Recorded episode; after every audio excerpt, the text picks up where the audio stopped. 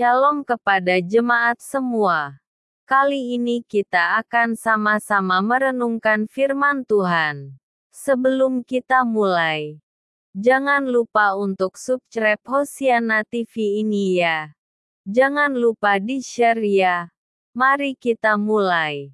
Dengan judul Terduduk hingga terseduh-seduh. Mazmur 137 pernah terduduk hingga terseduh-seduh. Bagi yang pernah mengalami kedukaan tentu dapat membayangkan bagaimana perasaan orang yang terduduk diam dengan gundah hingga menangis terseduh-seduh.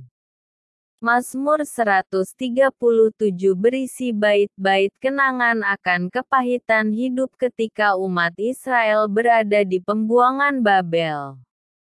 Kedukaan paling mendalam adalah saat mereka tidak bisa lagi datang beribadah ke hadapan Tuhan. Begitulah keadaan di negara asing.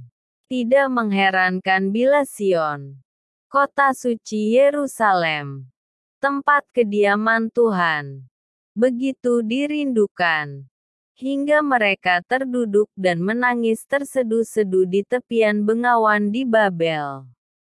Permintaan orang-orang Babel supaya umat Israel menyanyikan lagu Sion penuh dengan cemooh. Umat Israel sadar bahwa tantangan dari orang-orang Babel itu memperkuat kerinduan pulang ke tanah air. Kerinduan akan hadirat Tuhan memenuhi kata-kata pujian akan kemuliaan Sion sebagai tahta Tuhan.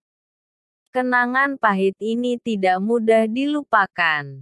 Ketika umat sudah kembali, pengalaman tersebut sengaja tidak dilupakan.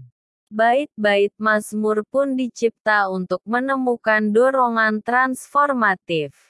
Dapat dibayangkan ketika umat Tuhan teringat akan masa pembuangan dulu sang pemazmur bertekad bahwa ia tidak akan melupakan Yerusalem sampai kapan pun.